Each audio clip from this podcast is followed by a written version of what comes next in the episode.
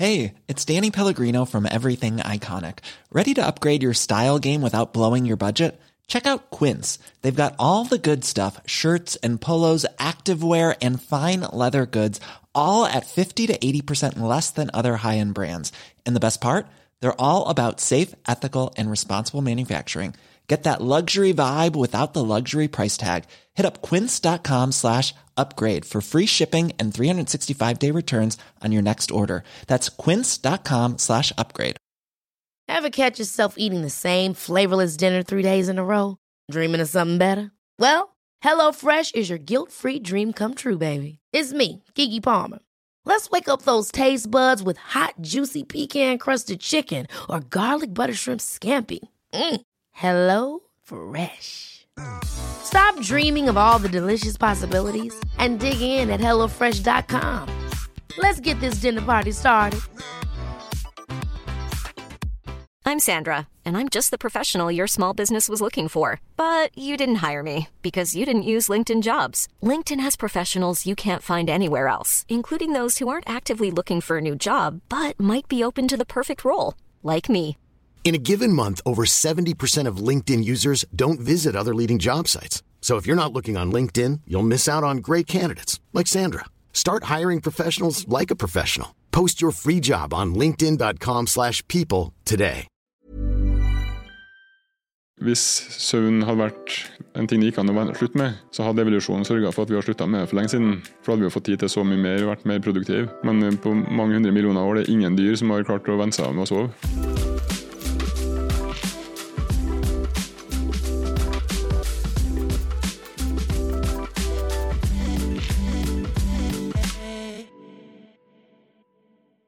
Hei og velkommen til treningsprat. I dag sitter vi i Trondheim, og du har hørt på meg, Anders Muren. Og Thomas Brun. og i dag har vi med oss en ganske spesiell gjest. Yes. Eh, et av mine største forbilder helt siden jeg starta på min reise.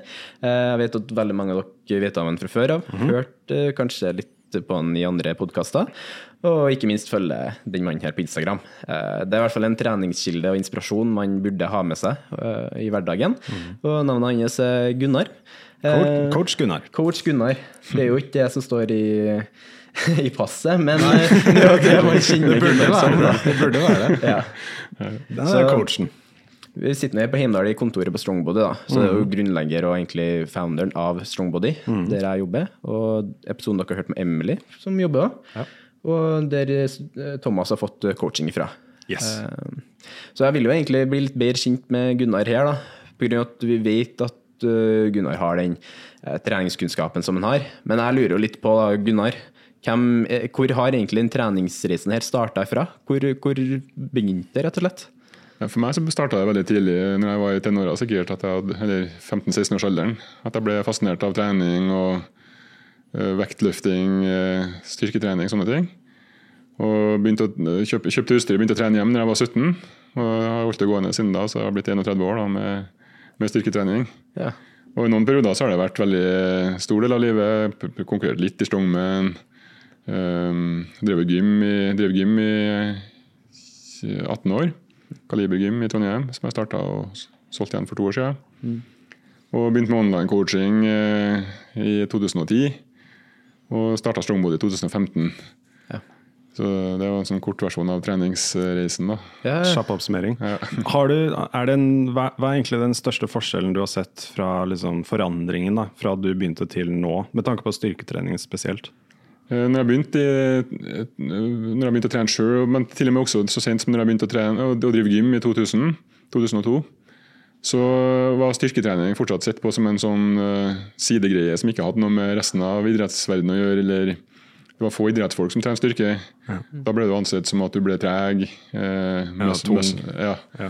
Og liksom treg og tung og, og stiv. Så eh, at en løper skulle trene styrke i 2002, det var utenkelig.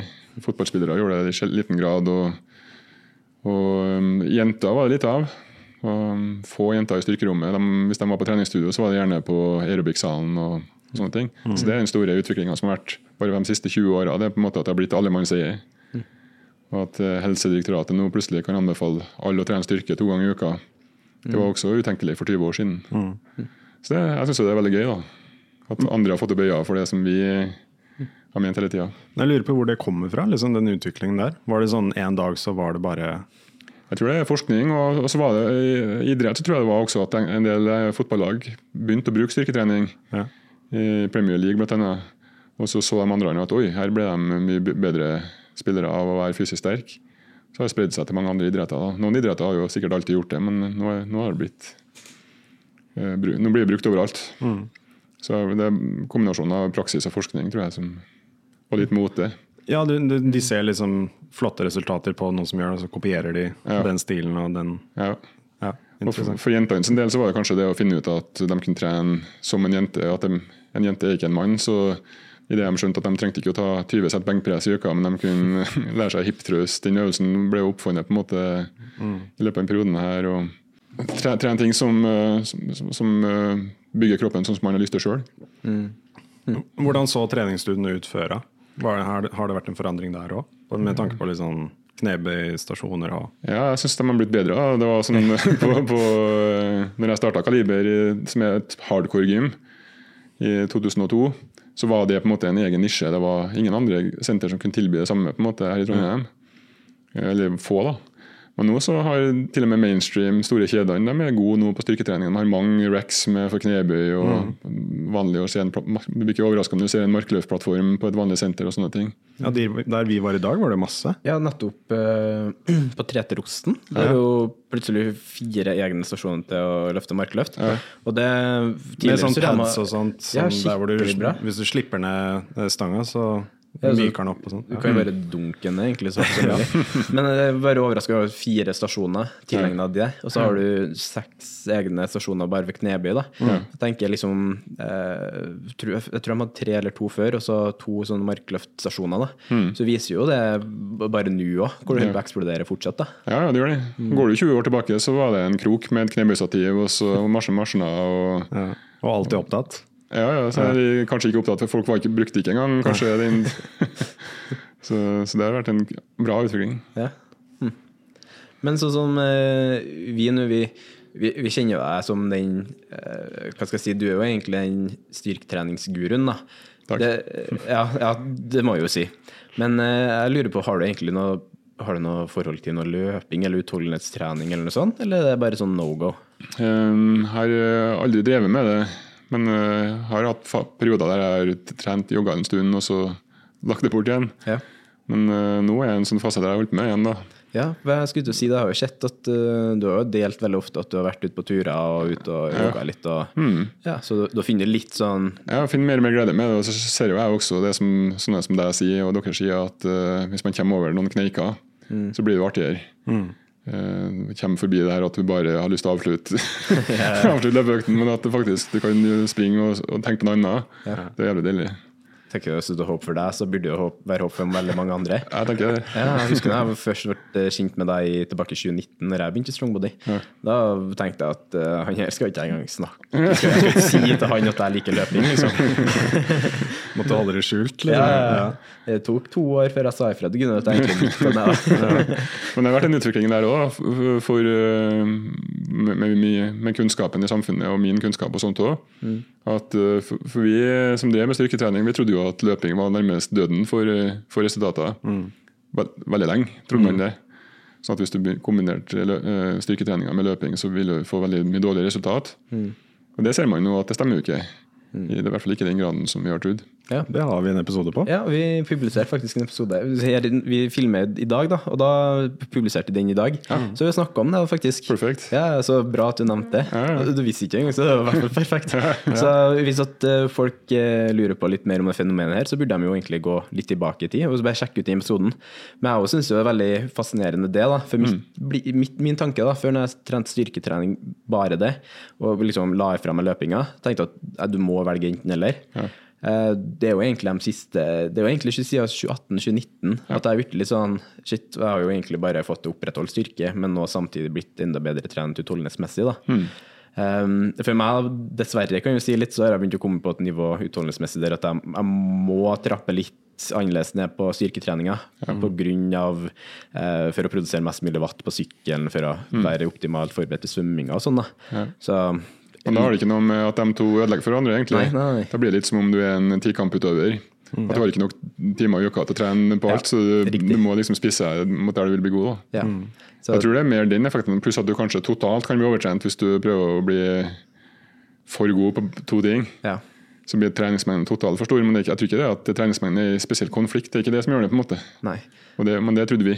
Ja. Vi tenkte at eh, tilpasningene fra um, løping var så annerledes, at de ville dra kroppen i en annen retning enn uh, styrketreninga. på en måte. Men jeg hører jo fortsatt, fortsatt nå folk sier det på podkaster og sånne ting, på treningspodkaster, at du sender miksede signaler til kroppen. Ja. At du sier til kroppen at du skal bli god på to forskjellige ting, og da ender du opp med å bli ikke god på noen av dem. på det. Ja, det tror jeg bare er tull. Ja.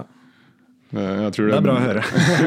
jeg tror det, I den grad du ikke blir god på begge, så er det fordi du får ikke lagt ned nok innsats Ja. begge deler. Som, for, for å bli skikkelig god på en ting, så må du ofre all tid til det. Ja. Du blir ikke verdensmester i sjakk og boksing på en gang, ikke sant? Men, eh, fordi det, hver av de tingene krever så mye innsats. Ja. Nå frykter bare Magnus Carlsen skal komme og motbevise det. De driver med noe som heter chess, chessboxing. Ja, jeg har sett det. Nei. Så de bokser litt, og så spiller de litt sjakk, og så Ja, bokser de. Ja. Det er ikke tull. Det har vært så mye hysteri i sjakkmiljøet siste, så kanskje det er det som er neste Ja, kanskje de burde avslutte, avslutte den fighten med en boksekamp. Det hadde vært veldig gøy. Ja, kanskje. kanskje. Da tror jeg Magnus hadde klart det. Han er en ganske sporty fyr. Ja. Han spiller mye fotball og sånn, tror jeg. Jeg tror han er sprek. Jeg er interessert i fotball, det vet jeg i hvert fall. Ja. Men uh, jeg syns det er interessant det du sier med kaliberet. da. For jeg, jeg jobba faktisk der i hvert ett og et halvt år, eller noe sånt. Uh, rett før korona så ble det ferdig der. Men eh, det å eie et treningssenter, det hvordan hva, hva, hva, hvordan har egentlig det vært? For, for meg er jo egentlig det en drøm å kunne starte opp noe sånt. Så da lurer jeg på hvordan, hvordan var det? Ja, det var, så Ideen sprang ut, for det. jeg, jeg er egentlig dataprogrammerer av yrke. da, utdanning. Så jeg drev med det, jobba med det noen år. Men treningsinteressen var så stor, så jeg tenkte hele tida og jeg kunne ønske jeg kunne jobba med, med hobbyen min. og sånt. Så det var sånn den ideen til treningsstudio kom, da, at hvis jeg starter et gym, og det klarer jo ikke jeg nok til at jeg har en, kan ta ut en lønn, så jeg kan være der hele dagene og kan jeg gå og trene litt i arbeidstida og, og, Ja. og sånne, sånne ting jeg tenkte. Men uh, det jeg glemte å tenke på, er jo at jeg er sykt introvert. Så bare å være noen timer der og snakke med folk, så var jeg så sliten at, uh, at jeg bare ville hjem. men, uh, men utover det så er det jo, det er jo på en måte en drømmejobb for en treningsinteressert hvis man husker at man, da er man på jobb. Så den der drømmen om å kunne drive og trene i arbeidstida, og sånt, det var bare tull. Ja. For du må jo være til stede for medlemmene og hjelpe folk og sånt. Betjene resepsjon og vask og Du ser jo det på, på Der jeg trener, så er det de PT-ene de, Når de er på jobb, så har de på seg uniformen. Ja. Men de er der og trener selv også, men da skifter de først. Ja, Hvis ikke så får de jo masse spørsmål Ja. hele tiden. ja. Så du, må, du må skille det uansett. Ja. Ja. Så, men absolutt eh, givende bransje, det òg, da. Men for meg så var det tids jeg solgte ut i 2020 fordi tida strakk ikke til til både det og strongbody. Det er som det vi snakka om i stad, vanskelig å bli god på to ting samtidig. Ja, altså det er jo den tida da, til slutt. Ja. Så klart man, på en måte, man blir jo på en måte ekspert på å på en måte gjøre det meste ut av tida si, men til et punkt så går det jo et punkt der man bare må være litt sånn Ja. Ok, det, det er kanskje litt andre ting man skal disponere tid på. da. Så det er fullt forståelig. det, Så jeg altså. vil ikke anbefale deg å begynne med stu- treningsstudio i tillegg til ikke ennå, i hvert fall. jeg, husker i 2017, tror jeg var når jeg, vi hadde starta på idrettsstudiet. Da, da fikk vi, skulle skrive opp liksom, en målsetning. Da. da skrev jeg på den første plass at det skulle åpne et treningssenter innen ti år. Da. Um, jeg har jo fortsatt noen år på meg, da, men jeg merker bare mer og mer der at det, det, jeg, har, man, man, har jo blitt litt annerledes fra da. Så jeg vet ikke om det er første jeg skal gjøre, men ja. kan, kanskje én gang, hvem vet. Ja. Det, ja. Jeg kunne sett det for meg. Ja. Men at det er veldig sånn spesifikk eh, treningssenter. Litt sånn, litt sånn eksklusiv, litt sånn Ja, det skal være et eget basseng. Det er liksom Ja. Mm. En sånn Ja, triatlonklubb på noe slag eller noe sånt. Eller lite sånn skisse, da, vet du. Ja. Så, Men inne, innebærer en cageball, blandingen med det, sykling, løping Så en kapitalkrevende ting å starte. ja, det, det det jo ikke det det står. for å komme i gang. Heftig konkurransemarked da. Man har jo de store som er så etablert. Og, Ja. ja. Og Hvis de da etablerer seg i nærheten av deg, så er det, Ja, kan hele ja. investeringa være eh, over og ut på no time og sånne ting. da. Ja. Ja, det er sant. Bare på de fra Jeg mener det var fra at jeg fikk en ny daglig leder i 2012. Og på de neste tre åra tror jeg han sa at det starta 36 nye treningssentre i Trondheim. 36, ja. Shit. Ja. Ja. Jeg tenker bare rundt i området der Kaliber ligger, så har du jo egentlig tre andre treningssenter å rette med. Ja, ja. Popper Så- popper opp. Ja, ja. I, I Oslo så er det jo på hvert eneste hjørne så er det treningssenter. Det er overalt. Ja. Det er jo det. Du skal ikke klage over det, da. Det er jo Nei, nei, for oss som det så er det bra. ja, men, men det er sånn, samme som når jeg kommer når Jeg var i Barcelona her, så holdt på å klage over McDonald's overalt. La med den eh, La, eh, La Familia La Sagrada Familia, det var liksom en Mækkern utafor. Tenkte jeg ah, ja. Så, men kanskje sånn Men du var jo glad etter en Ironman at det var en Mækkern eh, i nærheten. Jeg tok med en Mækkern. Dro på middag først, og så dro på Mækkern etterpå. Ja. Um, men vi, vi har fått litt spørsmål, da. Også litt sånn mytebryting, da. For vi har vært litt spurt, litt rundt om det eh, på grunn av episoden her. Og um, vi tenkte jo Her er så mye ting som vi vet at du er den som har best svar på. Så vi har egentlig lagt, lagt ei liste her som eh, Ja, det er liksom visse ting som jeg som en litt, fortsatt litt nybegynner innenfor dette her har Jeg husker det, de, de spørrerundene på, på Instagram som du har. De var jo veldig på en lang periode og liksom fikk mye informasjon fra. Og da er det litt sånn Man lærer ting hele tiden, og det kommer ny informasjon hele tiden. og sånne ting. Så det er visse ting som jeg kan, tror kan være interessant for andre også at vi snakker litt om. om. Eh, så vi har åtte punkter her. Åtte typer myter som eh, kanskje fortsatt eh, ligger litt i eh, miljøet. Og det er den, der, den ene er den derre om man skal anabolske vinduet etter trening, at man spiser rett etter man har trent. Hvis ikke så har ikke trening noe effekt. Det har man jo hørt, at liksom, du må ha i deg en proteinbar eller et eller annet sånt ting. Sånn, så å si med en gang rett etter du har trent. Ja. Vi kan snakke litt om det, om det er sant eller usant, eller om det er noe sannhet i det hele tatt. Altså det er jo når du har trent, så har du jo bruk for uh, aminosyrer blant annet, til å bygge opp og begynne å restituere og bygge opp muskulaturen igjen. Og um, før på en måte det der vinduet tenkte man at det var kanskje en kort periode på fire timer der det var veldig om å gjøre å få mest mulig restitusjon rett etter trening. Men den ser man jo lenger, da. den kan være 24 til 72 timer. Eh, Med det sagt så ville jeg ikke ha kasta bort fire timer etter trening på å ikke restituere med å ikke ha mat i kroppen. Men du kan spise den maten før trening også. Så hvis jeg spiser nå, og så trener jeg om en time, så vil den maten da begynne å, å bli fordøyd og sånt og komme ut i systemet til etter økta uansett. Så hvis jeg spiser nå, så kunne jeg kanskje ha venta et par timer etter trening hvis jeg trener om en time nå. Men hvis du ikke har spist før trening, da, kanskje du trener på morgenen på tom mage, så vil jeg fortsatt ha spist med en gang etter trening. Selv med den viten vi har i dag. For det er ikke noe grunn til å kaste bort fire timer og ikke restituere. Nei, det, Hvis du gjør det hver dag da, i et år, så er det liksom 1200 timer. Så blir man jo også Tapt veldig, eh, veldig, veldig sulten. ja. Det er man gråter. Nei, det, jeg kjenner jo mine første, første jeg gjør etter en styrke- eller utholdenhetsøkt, det første jeg gjør, da er jeg få meg, får meg ta en dusj, får meg på meg noe klær, og så et måltid, da, men det er jo en sånn min preferanse, da. Men det er jo kanskje ikke alltid det passer for alle akkurat å gjøre sånn. Nei. Men det er jo noen ganger innenfor triatlon i hvert fall, så har man økter på to-tre timer. Hvor du bare har spist sånn gels og proteinbarer og veldig sånn smått for å holde deg i gang. Og så da er du ganske sulten etter det. Jeg ville ha spist da, ville jeg gjort. Det ville jeg gjort. Og så er det aldri noen nedside med å spise med en gang. Nei. Det er ingenting å tape på det, så det er en god sånn, øh, skal vi kalle det en sikkerhets, mm. sikkerhetsnett. da. Men en ting som jeg også lurer på, det tror jeg kanskje du kan svare på. Jeg hørte det var noen som anbefalte det, i hvert fall med tanke på sånn lange utholdenhetsøkter, med tanke på karbohydrater og proteiner. Det var en som sa sånn, bare sånn for å forenkle det, så sa han sånn karbohydrater før økten og proteiner etter. Ja. Det er jo, men akkurat sånn proteinmessig, du burde jo egentlig ha i deg proteiner før, og sånn egentlig, liksom, hvis du tenker ut fra energisystemet du eh, benytter, så er jo mer karbohydratene som er relevant da.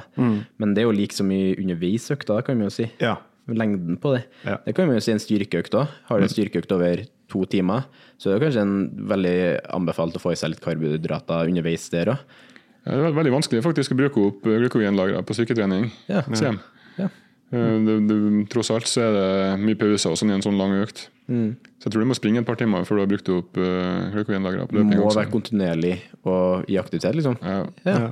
Så hvis du holder på i to timer med én muskel, kanskje, men det bør du jo ikke. Nei. Nei, det veldig, veldig gira på pump, liksom. Men, eh, men et annet poeng også er jo det der med glykogenlager og sånt. Nå sa jeg bare proteiner. da. Men eh, der, det er òg en sånn greie før at man trodde at eh, du måtte fylle opp glykogenlageret med en gang etter, etter treninga.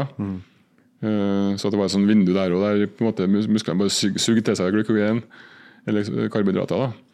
Men den eh, ser, hvis, du- hvis du ikke skal trene igjen for neste dag, så rekker du egentlig å fylle opp glykogenlageret samme når du spiser karbohydratene dine. Men vi skal jo trene igjen samme dag. Dok- Anders trener jo mange ganger om dagen. Fortest mulig påfyll. Han må fylle på med en gang.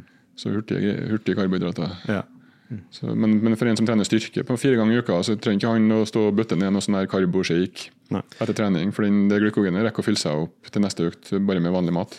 For jeg føler at det var en sånn periode der at eh, man ja. måtte, kar, det, kar, det var veldig sånn bruk av det, da. Ja, Karbohydratrikke og Ja, ja. rosiner og sånn med en gang etter trening, så mm. så jeg må spise. Stemmer.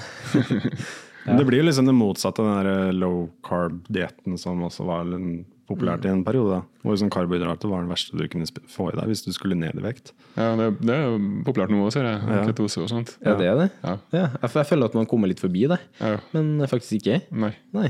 Så det har vært uh, av og på populært, i hvert fall i 20 år. Men, uh, så jeg prøvde det sjøl også, når det kom i 2002-2003.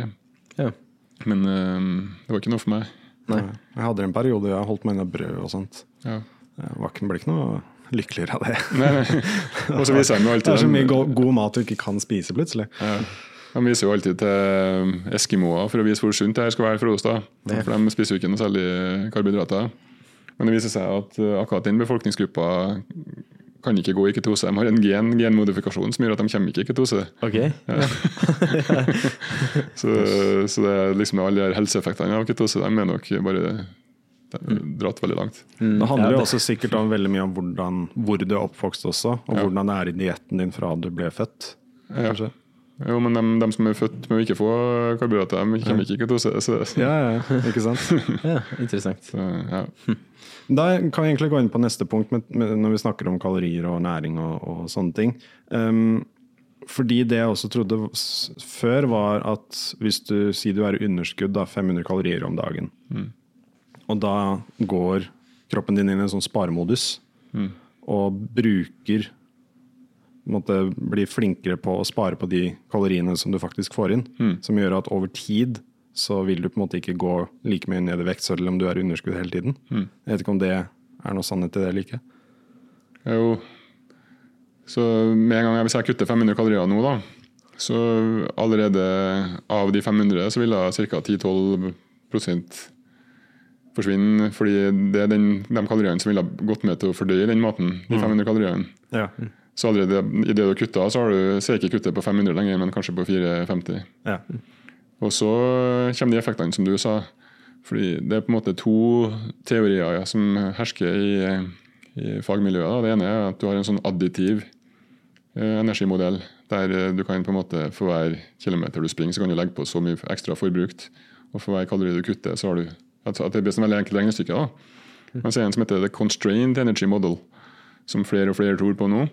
Der på en måte kroppen har en grense for mye energi en klarer å bruke på en dag. Og av, av den poolen da, så, så bruker den til masse greier. Så um, og med en gang du kutter, eller enten du trener mer eller du kutter på spissinga, så må han spare på andre ting, og det, og det gjør den. Det kan være på immunforsvar, det kan være på uh, en, en bra greie en kutter på, er jo faktisk den energien du kaster bort på stress med ting. Ja. Så jeg, jeg tror at noe av helsegevinsten, eller den stressreduserende effekten av trening, det er at du bruker opp energien du ellers ville ha brukt til å stresse på å trene. så, så, så en som har på en måte en kontorrotte som har gått rundt og stressa og ikke trent, begynner å springe tre ganger i uka, så går han ikke ned i vekt nødvendigvis fordi han eh, energien som ble brukt på løpinga, har han før brukt bort på stress. stress da. Så, men helsa blir jo mye bedre. Ja. Så, um, så det var en sånn liten avsporing, men ja, Ja, det var interessant. Altså. Og um, man ser f.eks. på um, hvorfor er alle i Tour de France såpass tett i mål som de er. da. Og Uansett hvilke idretter man har målt på, så ser man at, uh, at prestasjonen kan ikke bli noe særlig bedre. For det går ikke an å bruke, de klarer ikke å ta inn mer enn nok energi til, å, til å gjøre det bedre. Så det virker som å være en grense på ca. 2,5 gang uh, mm. på hvor mye energi kroppen klarer å omsette. Og um, om vi spiser mer, så blir det bare ikke tatt opp. Sånn at um, Men, og, og det virker andre veien da med at du, at du sparer. Men du sparer jo aldri hele, hele kaloriene. Hvis du kutter 500, så vil det aldri være sånn at du begynner å bruke 600 mindre. det vil alltid være et underskudd. Så, så den på en måte myten er at du kan spise så lite at du slutter å gå ned i vekt, f.eks. Det stemmer ikke. Men, men forbrenninga kan tilpasse seg, da, og den tilpasser seg mer hos enkelte enn hos andre. For jeg opplever jo folk som sier at uh, jeg går ned nå i vekt og spiser det og det. Liksom. Mm. kan liksom forklare det sånn, da. men øh, man kan egentlig bare avskrive at da, det er noe annet uten, utenforliggende. Liksom. Ja, de, Det kan jo være at de har så lav forbrenning, Ja. eller at de har, har mye tilpassinger. Da. Så det, du må på en måte prøve å bekjempe det med å være aktiv, gå mye. For Hvis du gjør det, da kroppen kan ikke ikke bruke kalorier når du går. Da, vil, da, vil, da vil du komme til det punktet som en Tour de France-person gjør, at den klarer ikke å gå mer, eller det er ikke mer å hente til slutt. Ja. Men det er hverdags, hverdags øh, Ola Nordmann er ikke der, da. Nei, nei, nei, sant. Og, um, så du kan gå, ja. Og så har du um, i sånne, Når folk sier at de spiser Til og med blant um, Når det har vært gjort studier på uh, nutritionists eller um, kostveiledere som kan å telle kalorier, så bommer de med 50% når de skal estimere eget inntak. Ja, såpass, ja. Eh, ja, alltid i favør eh, i feil, feil retning. da. Og de, eh, de underestimerer inntaket og overestimerer energiforbruket sitt. Og vanlige folk gjør ofte enda større utslag. da. Så en som sier til deg at jeg har spist 1500 kalorier nå, et halvår, jeg går ikke ned, så kan det fort være eh, 2200 kalorier. ja. De, det er så mange små, små en bit av ditt, eh, en slurk av det, Ja. som ikke telles med. Mm. Ja, sant. Det er veldig interessant. Mm. Um, og da eh, kan vi fortsette da, med tanke på um, Jeg føler nesten hver uke så møter jeg noen som er blitt frelst av fasting. Altså intermittent fasting, liksom, hvor du har et sånn spisevindu. Eh, og jeg føler at det kanskje liksom fortsatt er litt sånn nytt hos folk, at det ikke er noe sånn særlig langstudie som beviser om det funker eller ikke. Jo, det er masse studier. Ja. Men, øhm, og det der har vært populært i kanskje 20 år, det òg. Ja. periodisk faste, som vi kaller det på norsk. da. Og mange, eller flertallet av studier på fasting viser positiv helseeffekt. Men øh, det er ingen gode studier som viser positiv helseeffekt utover det at, at det er et kalorikutt inne i bildet. Ja. Så det er på en måte, Hvis eh, periodisk fasting fører til at du spiser mindre, så får du positiv helseeffekt. Eller hvis du går ned i vekt. Men hvis du har en der du, de fortsetter å spise like mye som før og ikke går ned i vekt, så da har jeg til gode å se eh, gode studier som viser at det skal være helsebringende. Så det er rett og slett pga. at du uansett er et kaloriunderskudd. da, Ja. At det er det. Ja. At det er kanskje lettere å forholde seg til et mindre antall timer å spise på. At man kanskje spiser eh, større måltid og sånn. da. Stemmer. Ja, men problemet da er jo på en måte ok, Si hvis du har en periode hvor du faster, og så går du, når du målet ditt, og så slutter du å faste. Da ligger du bare på de måltidene igjen, og så Ja, Hvis de gjør det, da splitter de jo opp i vekt òg. Ja. Men hvis, hvis dere kikker på f.eks. Peter Atia, har du fulgt med den podkasten? En lege. Han, øh, han er også veldig Dere bør sjekke ut den. Veldig god podkast. Han er veldig har, god på løpinga og har mye gode podkaster om løping også. Kult.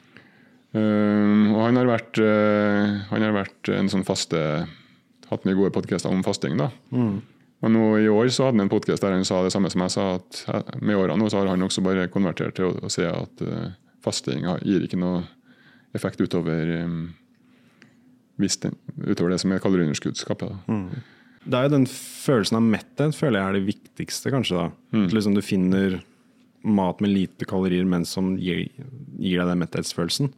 Fordi sånn, Du blir på en måte også litt stresset hvis du går rundt og er sulten hele tida. Jeg føler ikke at det er noe behagelig Nei. måte å gjøre det på. Og det er jo ikke bærekraftig heller. Nei, så Periodisk faste kan være nyttig for å klare å skape et underskudd. Mm, For, for meg for eksempel, som ikke er sulten på morgenen, så hvis jeg da venter med å spise det litt utpå dagen, så kan jeg spise hvis jeg spiser tre måltider, så blir de tre litt større enn fem ville blitt. eh, Nødvendigvis da. Og da, det er for, meg lettere. Ja. Eh, Men så bør man heller ikke dra lenger enn tre. Jeg tror tre er på en måte en slags nedre grense for hvor eh, Hvis du spiser færre enn det, så vil det gå utover treninga veldig mye. Spesielt styrketrening. Så, Ja. Alt fra tre til seks måltid har lik effekt på styrk, styr, eh, muskelbygging da, i, i studier som er gjort. Mm. Men færre enn tre og flere enn seks har eh, dårligere effekt, faktisk. På grunn av proteinfordelinga, eller? Ja. Ja.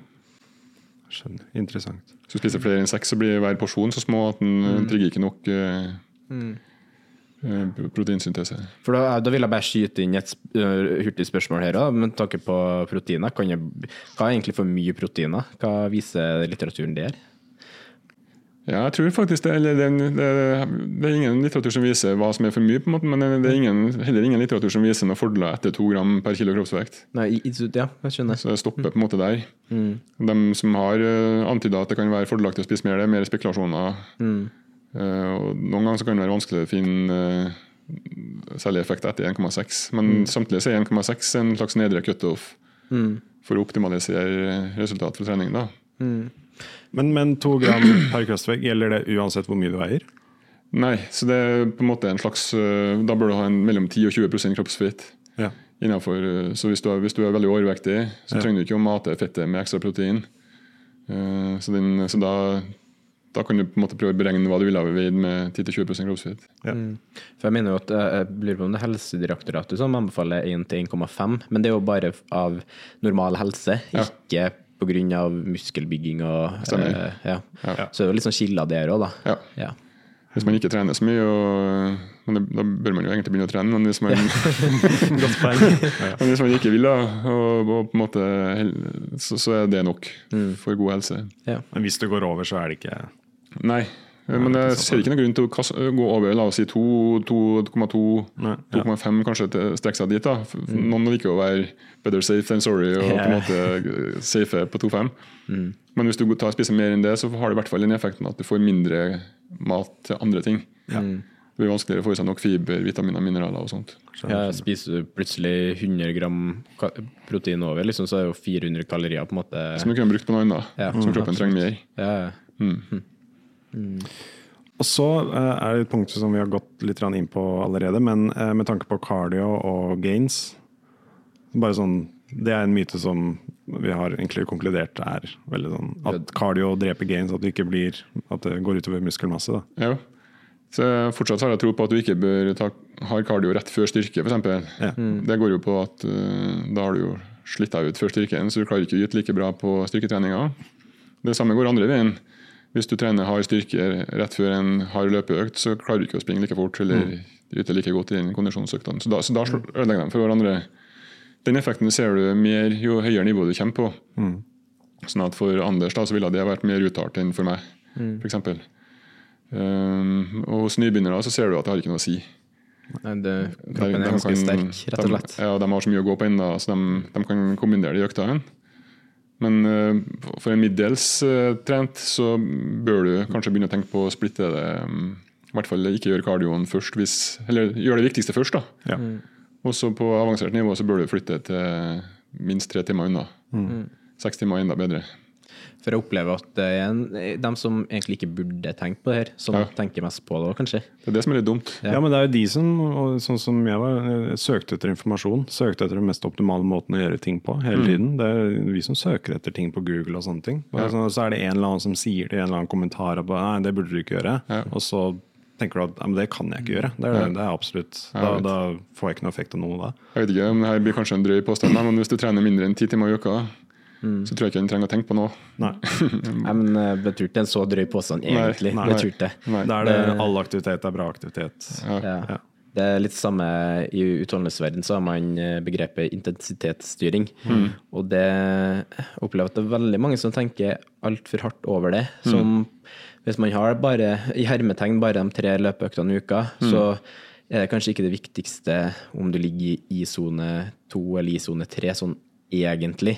Nei. På grunn av at du på en måte du har de andre forholdene rundt som ikke påvirker så stor grad. da. Um, men så klart, det er veldig motiverende tror jeg, for mange å kunne mestre litt sånne ting òg. Ja. Det tror jeg så det er en annen ting, da. Men eh, jeg tror ikke man skal overtenke akkurat det på Ja, det er jo litt sånn når man, når man er Si du har de tre timene i uka du kan trene, da, da vil du få det, best, få det meste ut av dem. Ja. Og da søker du etter sånn type informasjon da, og ser på hvordan Ja. topptrente folk gjør det, og prøver å kopiere det Ja, på best mulig måte. Jo, jo, jeg er sånn sjøl også. ja. Ja. Ja. ja, jeg er det. Jeg syns det er artig at du, du søkte etter det beste, da, så fant du jo strongbody. Så du ser jo litt der, da, at du Ja, ja, ja. tok på riktig plass. Og Så det da er fikk jeg, jeg fikk coaching fra deg og, og rådet, så, så kom vi inn i Da så jeg eh, forandring med en gang. Men for oss å formidle kunnskap, da, sånn som på, du nevnte storyen min, det er derfor jeg har begynt med nivåinndeling på spørsmåla der. Ja. Ja. For å kunne svare mer eh, spesifikt for den som spør. Ja. Så hvis eh, en på, som spør på min blå bakgrunn for avanserte, spør om det der, da kan jeg si litt sånn detalj. Ja. Um, Ja, men Spørsmålsrundene er så super. Det, takk. Ja, det er kjempebra. Så du hadde jo en streak der som du bare holdt, holdt gående ganske, ganske lenge, for å si det sånn. ja, 900 dager, var ikke jeg? Ja, det er helt sykt. Det er ganske bra. Jeg syns det er litt gøy òg. Altså, det blir liksom ganske enkle ting å gjøre. Ja, ja, men det skjønner jeg godt. Og en av tingene du har gått inn på der, er jo viktigheten rundt hverdagsaktivitet. Ja. Du har jo en, en, en eh, gåmaskin, en mølle, her på kontoret også, for å få inn skrittene. Stemmer. Og Det har du snakket mye om, og det er jo i tillegg til joggetur, tre- styrketrening osv. osv. Ja. Så den, eh, Der var jo også en sånn vekker for meg, for det kom en par studier som jeg kom med, jeg husker ikke hvem, men uh, sisten tror jeg kom i vår, som ser at hvis du, selv om du trener kondisjon da, hver dag, så får du mindre helsegevinst og mindre gevinst på metabolismen fra den treningsøkta, kondisjonsøkta, hvis du ikke har gått mer enn 8, over 8500 skritt i tillegg. Ja. Så um, man, uh, man bør ikke bare ta en joggetur og så regne inn de skrittene og si seg ferdig. Du bør faktisk gå i tillegg, da. Ja, shit. Det, det er veldig interessant for meg, i hvert fall. da. Ja. For jeg bruker veldig ofte, dessverre, å si at den løpeøkta eller den svømmeøkta sånn, det er på en måte Det holder. Det holder, ja. det er liksom en sånn erstatter for det. da. Ja. Så klart Restitusjon er en sinnssykt stor del av hverdagen min, Mm. men jeg er jo fortsatt øh, Hvis du tenker på skrittene der, da, så kan det være dager der jeg, hvis jeg Så klart jeg hadde en tung svømmeøkt, men jeg kjenner jo jeg har jo ikke hatt tida, tatt meg tida til en gåtur, liksom. I hvert fall når du sitter igjen med den infoen som du gjør der, da. Mm. Kan hende på, Når du trener så mye som du gjør, Ja. så kan det hende at du får nok uh, mm. aktivitet. på en måte, For det er trenger jo ikke være det er all aktivitet teller inn. Men jeg tror, og det her blir spekulasjon, da, men jeg tror mye av gevinsten fra de gåinga som jeg nevnte, det er at du motarbeider stillesitting. Så Hvis jeg trener en, i en time, og så har jeg 23 timer stillesitting, så det er veldig skadelig. Men hvis du klarer å stykke opp den med at du har gått litt rundt og i tillegg, da, så, så jeg tror, jeg tror det er der helsegevinsten kommer. da. Ja. Ikke fra selve skrittene som sådan, Nei. vil jeg gjette, da, men det, Ja. det blir litt spekulasjon. Nei, men jeg forstår. Ja, For- mening. Ja, men jeg kan ta meg sjøl at jeg er veldig stillesittende. Men det, det er jo en del av hverdagen Om man jobber med hjemmekontor og den coaching-biten. da. Ja. Så den walking-paden er jo helt genial. Hver hver gang jeg kommer på kontoret her, så første blikket jeg ser, er jo Eller jeg hører først trappinga, så ser jeg Gunnar, da. Ja, for det har vært sånn, Hverdagen min òg, har vært stillesittende. For det er jo ja, coaching og kontrollarbeid og sånt. Men øh, på mølle det er bare en vanesak. Det går an å skrive på dataen like godt som øh, når du sitter. Med litt øh, tilvenning. da. Ja, kult. Men skrive for hånd, det var ikke så lett. Det har jeg prøvd. Det fungerer ikke. Ja, det skulle ha gått. Så uansett om du har vært på en joggetur ute, ta trappene og, og Ja. beveg deg. Ja. Når de ser på Det finnes jo ikke så mange jeger-sankersamfunn igjen nå, men du har Hadza i Tanzania blant annet. De går uh, 15 000 skritt om dagen, uh, Mm.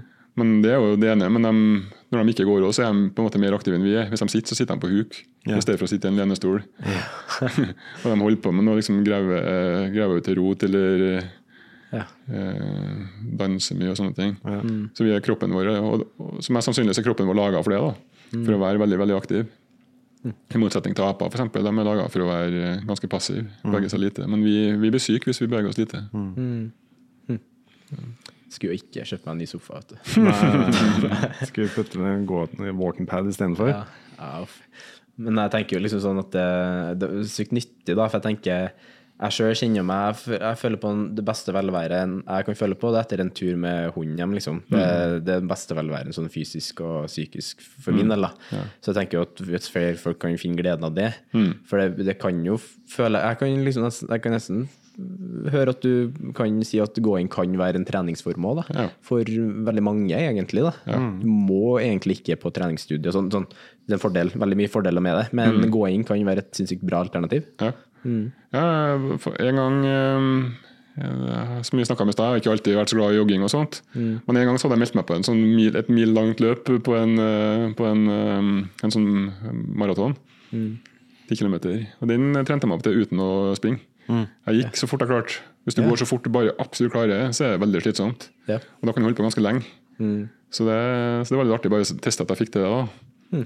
Så hvis man er på liksom relativt eh, nybegynnernivå, så kan gåinga være kjempemessig. Og jeg anbefaler også oppoverbakker da. Ja. Gå i Ja, det må oppoverbakker. være kuppe, kuppert terreng, selvfølgelig. Da. Ja, ja. Og kanskje gå en del med vest og sånt. Ja. Men uh, bare det å gå så fort at du må anstrenge deg for å holde tempoet. da. Ja. For du merker Hvis du går så fort som det, og så kommer du inn i en konversasjon eller hører på noe lydbok, og sånn, så detter tempoet ned fordi det er vanskelig å konsentrere seg om å gå fort nok. Ja. Men hvis man tvinger seg til å bare presse på, Ja. så er gåing men, men til og med vanlig gåing også. Men jeg kan ikke si at en sånn rusletur er trening, da, men det, det er helsebringende for deg. Ja, ja, det var litt det jeg ville fram til, at det, den, den helsebringende faktoren er såpass stor da, at det er verdt å legge ned tid i. Ja. Mm. jeg merker stor forskjell de dagene jeg går til jobb, og de dagene jeg tar bussen. Mm. Det, er en, det er en forskjell. Uansett, altså. Bare det å komme seg ut i det hele tatt Ja. ja, det er jo er uh, positivt. Mm. Og så er det én ting som du også Som jeg syns var veldig interessant, i hvert fall på starten da jeg begynte med styrketrening. Det var den derre um, train to failure. Altså definisjonen på failure. At du skal, du skal jo merke hvert sett på knebøy og sånne ting, men definisjonen du hadde på failure, syns jeg var veldig interessant. At det, det er ikke når du virkelig ikke klarer å løfte stanga lenger om å ha hjelp for å få den men det er når teknikken begynner å Ja. forsvinne. Det er en bedre, fordi Hvis du skal kjøre til ekte failure For det første så er det veldig vanskelig, men for det andre så blir det jo et sammenbrudd av teknikk. Som kan være farlig hvis du har failure i markløft eller ja, knebøy og sånne øvelser. Så på en måte per definisjon så bryter jo teknikken sammen. Det ville jeg ikke drive og gjort på fast basis. Så man bør venne seg til å passe på teknikken sin og så stoppe øh, før du kommer til, ek- eller til virkelig failure. Mm. da må jo når du, i, I studier også så ser de ikke på en måte noe sånn særlig gevinst med å drive og trene til failure. I hvert fall ikke på alle setter. Du kan stoppe setter både én og to og kanskje tre reps før failure også, og få sånn, cirka samme effekt. da. Men det er jo at det er veldig vanskelig for folk å anslå når det er tre reps unna. Ja. Selv for meg som har trent 31 år, og som egentlig ikke har utvikla meg mye i styrke de siste åra heller, på en måte begynt å nå taket mitt. Så jeg vet egentlig hva jeg er god for, men selv da syns jeg det er vanskelig å Ja. ja. Så hvis jeg på en måte kan ta et sett og tenke at ok, nå er jeg tre reps unna, hvis jeg får en sånn kjekk kommentar fra sønnen min eller treningspartner, Ja, klarer en til. så klarer jeg kanskje seks til, Ja, ikke Ja. sant? i stedet for de tre som jeg trodde. Så, så for, i hvert fall for nye begynnere så ville jeg på en måte prøvd å bare viske ut det der eh, reps and reserve og alt fra hodet, og bare trene så hardt de klarer. For de er ikke i stand til å trene så hardt likevel. Ja. Men, mens du holder på å snakke litt om repetisjoner, altså, hva er egentlig det optimale sånn, i forhold til muskelvekst? Og, hva, hva, vi har jo hørt mye forskjellig der, men ja. hva Ja, det er mye myter. Det er Liksom, mange tror f.eks. at uh, tunge vekter får reps, får du store muskler. Da har du lettere vekster, høyere reps, så får du slanke, slanke muskler og sånne ting. Ja, ja, det, Men uh, så i, i de studiene som er gjort nå de siste åra, så ser du at alt fra 6 reps til 30 reps, så frem til pusher like hardt, uh, skal vi si nært failure eller til failure, så er muskelveksten lik, like stor. Så du kan, hvis du er en selvpiner, så kan du drive og kjøre 25 reps i bøy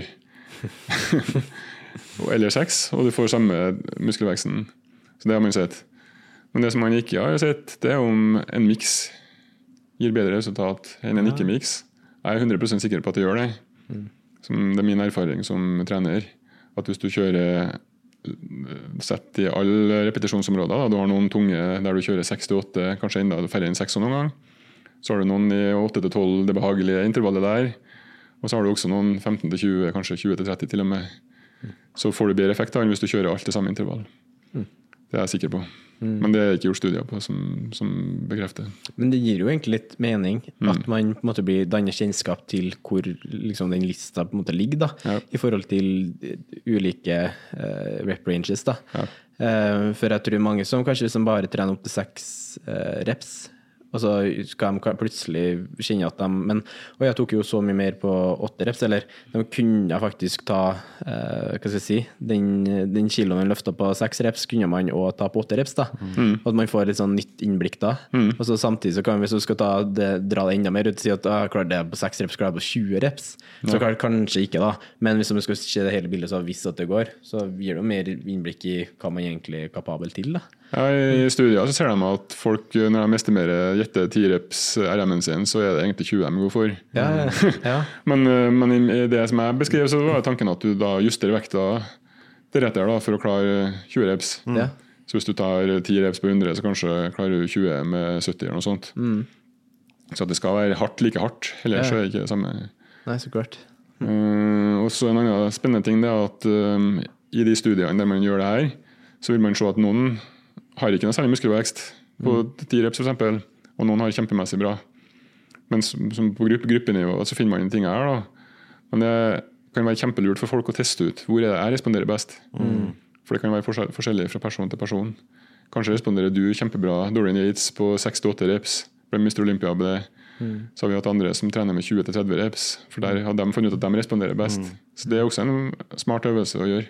Jeg sa jo det til deg i dag. Jeg merker med tanke på hvis jeg, hvis jeg har vekter hvor jeg klarer åtte, så merker jeg at teknikken er mye bedre. Fordi det er ikke så tungt. Og da kan jeg på en måte liksom fokusere mye mer på teknikk. Ja. Uh, og ja. Nei, så ja, man teste litt, kanskje. Teste litt og, og, og prøve å legge inn alle intervaller, tror jeg. Ja. I, jeg kaller det intervall, det forvirrende kanskje for dem som bare driver med intervalltrening. og sånt, men uh, range Jeg vet ikke hva er bedre ord på norsk. Område. Ja. Men ja, det, det er litt forståelig, egentlig. Ja. Altså, danse er sånn, Vi vet jo, i hvert fall det jeg opererer veldig mye med coaching, at alle er forskjellige. da. Ingen, skal ha, ingen, ingen skal ha samme. på en måte. Og det, jo, det gir jo egentlig mening med tanke på sett og reps òg, da. Men man må jo egentlig liksom grave litt i det sjøl, med tanke på å finne ut hva som kanskje er optimalt for seg. da. Ja. Eh, Men min forståelse er at flestene motiveres mest av lavere reps. da. Det, det er en litt sånn gjenganger. Men, Løft tunge vekter. Og, Ja, du skal liksom prøve men jeg ser for meg kanskje motivasjonen øker litt hvis du ser at oi, shit, jeg har jo den andre, fremgangen på 15-20 eller 20-30 reps, liksom. ja, Så ja, det, det er jo ganske interessant. det er det. Veldig interessant. Med stølhet, da. Må du For å ha fått noe ut av økten, må du liksom slite med å gå opp trappa etterpå? og Være skikkelig støl dagen etter? Nei. Nei. Men eh, med det sagt, da Det kan være, hvis du aldri blir støl, Ja. så kan det hende at du ikke trener hardt nok. Så det kan være en sånn pekepinn på at du i hvert fall, Og noen ganger så kan det være en indikator på at du har gjort øvelsen riktig. Ja. Hvis du kjenner, hvis du er støl på den der du ville være forvente å bli støl. Men det er ikke en sånn Du skal ikke føle at hvis du ikke blir støl, så har du ikke effekt. Det, er, det er ikke noe grunnlag for å si. Men det er godt sagt, da, for jeg tenker jeg hadde en sånn aha-opplevelse for noen år siden med nedtrekk. da At slet veldig med å få kontakt i letsa der. Veldig sånn åh. Så hadde jeg en sånn gjennomgang der jeg bare uh, satte meg litt inn i det på YouTube og Google og sånn. Så skjønte jeg litt sånn de små momentene som gjorde at jeg fikk inn litt mer kontakt. Og husker jeg stølheten jeg kjente eh, dagen derpå der. Det, da var det litt sånn jeg har jo fortsatt trent sjøl, jeg ville sagt at jeg har trent veldig hardt, men for meg var jo det å få den kontakten og faktisk kanskje treffe dem eh, der du skal treffe i øvelsen, da, som bidro med den stølheten. da. Ja. Ja, så sånn støl det er, sånn, det er i hvert fall ikke et dårlig tegn som regel, men hvis du er konstant støl hele tida, så kan det hende at du trener for mye. da. Ja, godt poeng. Så tenker jeg at jeg har jo ikke kjent på det, den stølheten igjen. Jeg, har, men nå har jeg blitt vant til den bevegelsen, jeg er vant til å treffe den sånn. Så det, har jo en, det er jo en liten sånn, det er en adopsjon, da. Man tilpasser seg rett og slett. Ofte så blir du støl hvis du gjør noe uvant. Ja. Mm. Du begynner med en ny øvelse, eller Ja, da kan man merke det. Ja. Og så en ting som også eh, Det er jo en sånn trend nå tydeligvis på eh, en app som heter TikTok, hvor folk står opp veldig tidlig eh, og ofre mye søvn for å ha en sånn god morgenrutine og sånne ting. Men så har vi også hørt sånn toppidrettsutøvere, de sover De ser veldig viktigheten i søvn. Så hvor mye effekt har lite søvn på progresjonen din da? Um, ekstrem, vil jeg si. da. Ja. Jeg tror at veldig mye av restitusjonen og positive tilpasninger i kroppen skjer mens du sover. Og um, Hvis du kutter ned det med to timer, for eksempel, da, Ja. så i verste fall kanskje vi snakker to timer mindre restitusjon i døgnet. Da setter jeg på spissen litt, da, men um, Men eh, man, eh, det har en helt ekstrem Særlig hvis du begynner å bevege deg under sju timer per natt. Men Som idrettsutøver kan jo mange idrettsutøvere prøve å få inn åtte-ti. Så, så den trenden hørtes ikke så smart ut, da, med mindre de kompenserer med å legge seg tidligere. Ja, jeg føler liksom samme folket de legger seg senere da, for å utnytte dagen mest mulig, og, og så skal de opp tidligst mulig. Og Jeg føler liksom på en måte en, Man opplever nesten en generasjon på en måte som syns det er litt eh, viktig å skryte av hvor, opp, hvor, hvor tidlig opp man er og Ja, gjør det er ting. sånn, skry, det er sånn eh, bragd å si hvor lite du, søvn du har. Ja, men Det har vært sånn eh, i andre miljøer i ganske lenge. Kanskje blitt snudd nå bare de siste par åra, føler jeg at det har blitt en mer sånn trend med at søvn er viktig. Men det har alltid vært sånn at businessfolk skryter av at de sover bare tre-fire timer. om natta. Jeg har alltid vært sånn, jeg òg. Kan sagt liksom at eh, jeg sover kan jeg gjøre når jeg dør og sånt. Ja. Ja. Men så glemmer man at du dør 20 år før tida. Fordi, Godt poeng. ja, ja. Det er et veldig godt poeng. Ja. Ja, og, og så en annen godt poeng eh, som jeg har hørt fra en eh, Jeg husker ikke navnet nå, men han er søvnlege. Han har vært Navy Seal òg, faktisk, så han har fått test, testa det her med å sove veldig lite. da. Han sa at hvis du tror du får gjort mer av å sove lite, så tar du feil. Ja. For du blir mindre produktiv. Ja, ja. Ja, det, Jeg prøvde en Jeg uke, skriver husker jeg, å stå opp fem hver dag. Men jeg bare begynte på mandagen, og så uansett når jeg la meg, så bare jeg skal stå opp fem. Og jeg gikk rundt som en zombie halve tida. For jeg, sånn, jeg klarte ikke å gjøre alle de tingene jeg hadde lyst til å gjøre. Nei. jeg tenker, det er jo litt sånn avhengig av når du legger deg òg, da. Ja, ja, absolutt. Men det er sånn å gradvis skal inn i det. Men nå har jeg skjønt at det er virkelig ikke noe poeng med mindre du ja, legger deg veldig tidlig, og du skal opp før barna dine står opp, eller et eller annet sånt. ting. da For å rekke det du har lyst til å gjøre for å få inn en treningsøkt eller sånne ting. Men Ja, hvis du ikke må, så Og så er det der eh, andre greiene at hvis søvn hadde vært en ting det gikk an å slutte med, så hadde evolusjonen sørga for at vi har slutta med det for lenge siden. Ja. For da hadde vi jo fått tid til så mye mer og vært mer produktive. Ja. Men eh, på mange hundre millioner år det er ingen dyr som har klart å venne seg av med å sove. Ja, det, Og til og med byttedyra som eh, egentlig har godt av å holde seg våken og se om det kommer en tiger snikende, de må sove òg. ja. Og det er jo en, så, sånn at vi vet at det må vi. Det er ikke noe vi er rundt. Ja, nei. Og så er jeg jo sånn noen ganger Selv om jeg får inn mine åtte timer med skjønnhetssøvn, så hvert fall lager jeg så det er nærmere sju enn åtte, så bruker jeg å si til meg sjøl at da gir jeg meg en unnskyldning til å ha en powernap. Er det helt bortkasta, eller? Nei, det tror jeg er veldig gunstig. Ja, så bra. jeg er glad i powernap. Bare sånn for å få, i hvert fall få balansert litt ut, da. Ja. Han Matthew Walker, som er mye i vinden, som har skrevet inn der eh, 'Hvorfor vi sover', han påstår at vi er laga for å sove to ganger i døgnet. Ja, okay. En lengre strekk på natta og så en sånn uh, nepp på dagtid. Ja. ja, Det er visst det naturlige for oss. Interessant. Den middagsluren er ikke så dum Nei, bra. Ja, så bra. Jeg sa det Blumefeltet og Iden og sånt, de gjør det. Ja, de har en powernap eh, midt på dagen. Ja. Så mellom øktene sine, da, så har de powernap. ja. Og de, ja, de sier sånn, de prioriterer søvn framfor massasje, badstue, isbading, alle de tingene der. Ja. De sier sånn søvn og nok kalorier er beste restitusjonen de har. ja. Og de trenger ikke gjøre noe annet enn det. Nei.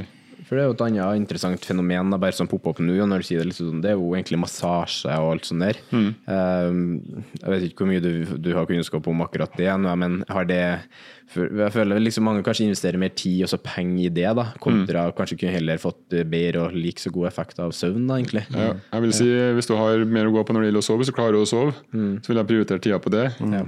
Hvis du, har, hvis du er heltidsidrettsutøver og kan bruke all din våkne tid på deg sjøl, så er massasje gunstig. Ja. Det er veldig godt å kunne sette sånn, da. Ja. Ja, veldig bra. Siste spørsmål før vi må runde av. Um, hva skulle du ønske at du visste da du var 18-19 år gammel? Mm, Jeg skulle ønske da, den gangen at jeg fantes uh, sånne som Anders i dag og meg sjøl, og formidlere av god kunnskap, da, som jeg kunne ha fulgt av. Da, da hadde jeg ingen å lene meg på. Ja. Så det er nesten alt det svaret, på en måte, fordi det, det var virkelig å famle i blinde. Ja. Da har du rett og slett fått svaret egentlig på alt. det- Ja, ja. Ja. Mm. Men det er jo sant. Man, eh, jeg føler jo det sjøl at jeg var veldig heldig med at jeg nådde ut til gode forbilder, både i form av deg og eh, flere av dem vi, som vi har i Strongbody nå, faktisk. Eh, Emily Bang, som vi hadde en episode med, og liksom ga jo meg på en måte belysning mot hva en veldig godt forbilde er, da, og sånn kunnskapsbasert òg. Ja. Så jeg tror det er veldig viktig hvem man har rundt seg på sosiale medier, og hvem man på en måte lytter til. da. Ja. Det- Mat, forresten, hvis jeg skal si en ting. Mat. Jeg skjønte ikke hvor viktig mat var. Ja. Ja, Og jeg nekta å skjønne det, for det var, jeg leste jo det i bøkene som fantes den gangen òg. Men så tenkte jeg sånn, hvis jeg bare trener, så, så kommer det her til å bli bra. Jeg har sett noe sånn før-etter-bilde av deg. Jo, men uh, før det òg, når jeg var ung, liksom, ja, Ja, ja. jeg skjønte ikke at jeg burde spise mye protein, f.eks. ja, ok, sånn, ja. Så jeg spiste ikke nok. Mm. Senere spiste jeg jo meg feit, men uh, Ja. det var jo når jeg hadde skjønt at mat var viktig, men fortsatt ikke kanskje riktig mat. Eller En stund så prøvde jeg å dytte framgangen med å spise mer, men det går heller ikke an. Det er på en måte, Du må spise nok til å ikke være at maten er en brems for framgang, men det er treninga som dytter framgang. egentlig. Du kan ikke tvinge framgang med å, å spise ekstra mye. Så Det er også en sånn lærdom som kom dyrt. Ja. Ja, det er jo godt å høre det, da. For jeg tror mange kan hente veldig mye der. Det å spise nok mat. Ja. I hvert fall i den alderen du nevnte nå. Det tror jeg mange- kan hente. Å spise nok mat og få seg nok maten. næring. da. Jeg var en, jeg, jeg, kosthold da jeg var sånn 18-19, det var jo null peiling. Ja. Ja, Min del var jeg, jeg har spist altfor lite. Men jeg, mitt syn på det ideale var jo noe som var veldig usunt akkurat da, i hvert fall. Eh, Så jeg er jo veldig glad for at jeg har hatt folk rundt meg som har sagt det motsatte. Så det, ja. Og at man ikke minst har tatt utdanning og sånn sjøl, som har fått, eh, fått det motsatte bevisst. Veldig, veldig bra. Ja, men eh, det er jo egentlig det vi rekker i dag, da. Eh, Gunnar, tusen takk for at vi fikk prate med deg. ja, Veldig hyggelig å være med. Ja, det setter vi pris på å Vi høre. setter veldig pris på at du ble med. jeg kommer mest rolig til å jakte og få deg med igjen. For det her, jeg, jeg sitter jo egentlig med en helt ny Føler igjen at jeg får fylt på kunnskapsbanken min. Eh, heldigvis for meg så har jeg jo deg som både venn og ressurs i hverdagen ellers i Strongbody òg, da. Vi skal på samling veldig snart, så det gleder jeg meg til. Ja, det bra. Så det, det er egentlig bare sånn å få fylt på her nå, håper jeg og lytterne våre har satt pris på. Jeg vet at Thomas har satt pris på det. Ja, ja, ja, absolutt. Lærer masse av dere hver dag. Så bra. Det gjør jeg. Så da skal vi egentlig bare runde av her, og så sier jeg igjen takk, Gunnar. Ja, takk meg. Så må dere følge Gunnar og følge ut uh, spørsmålsrunden. Yes. Det må dere gjøre. Det var Absolutt. siste lille Ja. pik her. En liten shout-out.